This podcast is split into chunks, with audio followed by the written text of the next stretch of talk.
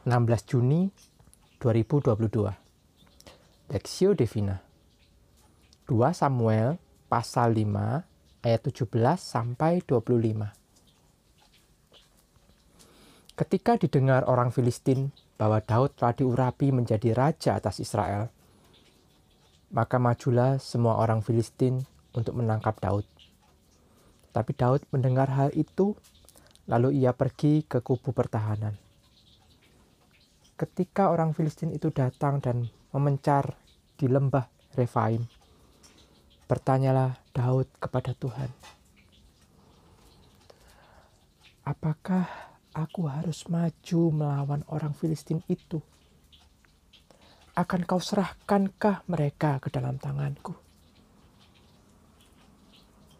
Tuhan menjawab Daud, "Majulah, sebab aku pasti akan menyerahkan orang Filistin itu ke dalam tanganmu." Lalu datanglah Daud di Baal Perasim dan memukul mereka kalah di sana. Berkatalah ia, Tuhan telah menerobos musuhku di depanku seperti air menerobos.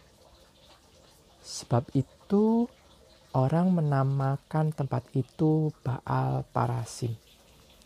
Orang Filistin, orang Filistin itu meninggalkan berhalanya di sana. Lalu Daud dan orang-orangnya mengangkatnya. Ketika orang Filistin maju sekali lagi dan memencar di lembah Refaim, maka bertanyalah Daud kepada Tuhan, dan ia menjawab, janganlah maju, tetapi buatlah gerakan lingkaran sampai ke belakang mereka, sehingga engkau dapat menyerang mereka dari jurusan pohon-pohon keratau. Dan bila engkau mendengar bunyi derap langkah di puncak pohon-pohon keratau itu, maka haruslah engkau bertindak cepat, sebab pada waktu itu Tuhan telah keluar berperang di depanmu untuk memukul kalah tentara orang Filistin. Dan Daud berbuat demikian seperti yang diperintahkan Tuhan kepadanya. Maka ia memukul kalah orang Filistin mulai dari Geba sampai dekat Geser. Tuhan berperang di depanmu. Perspektif. Dan bila engkau mendengar bunyi derap langkah di puncak pohon-pohon keretau itu, maka haruslah engkau bertindak cepat, sebab pada waktu itu Tuhan telah keluar berperang di depanmu untuk memukul kalah tentara orang Filistin. 2 Samuel 5 ayat 24 Medan peperangan adalah tempat yang sangat tidak enak. Tidak nyaman, penuh ketegangan, kegentaran, dan kengerian. Semua orang yang terlibat dalam peperangan pasti dihantui rasa takut dan dalam bayang-bayang maut. Begitu pula dalam menjalani kehidupan. Setiap manusia diperhadapkan dengan peperangan setiap hari. Salah satu peperangan hidup adalah peperangan menghadapi masalah, pergumulan, dan tantangan hidup.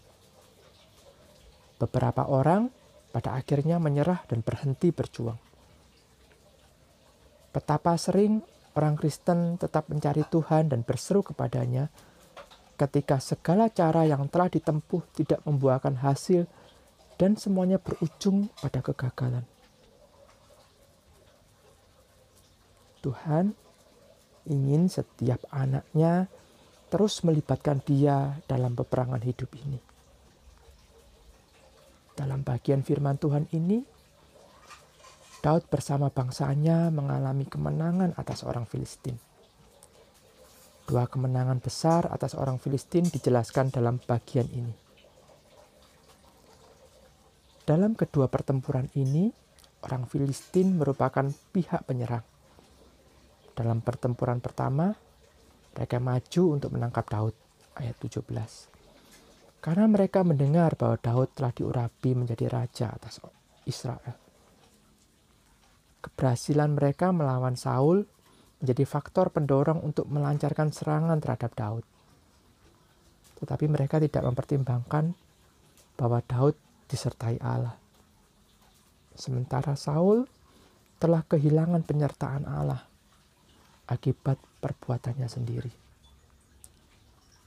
Kemudian dalam pertempuran kedua, orang Filistin maju sekali lagi dengan harapan memperoleh kembali apa yang hilang dari mereka dalam pertempuran pertama. Ayat 22. Tetapi yang terjadi, Daud memukul kalah orang Filistin mulai dari Geba sampai dekat Geser. Ayat 25. Dari sini kita mendapati bahwa bagian utama kemenangan atas Filistin merupakan perbuatan Allah. Daud mematuhi perintah-perintah yang diberikan kepadanya, menunggu sampai Allah bergerak dan kemudian bertindak. Demikianlah Daud dilatih untuk bergantung kepada Allah dan pemeliharaannya. Allah menggenapi janjinya, berperang di depannya, dan mengalahkan semua pasukan musuh dengan telak. Ayat 24. Studi pribadi, Bagaimanakah tindakan iman Anda kepada Allah yang memelihara dan menyertai hidup? Sebutkan hal-hal yang menghalangi Anda bergantung kepada Allah. Pokok doa, berdoalah untuk perdamaian dunia, agar negara-negara bertikai, rendah hati, dan bersikap terhadap isu-isu yang ada. Para pemimpin yang bertikai diberi kesabaran, hikmat, dan kemampuan mengambil kebijakan.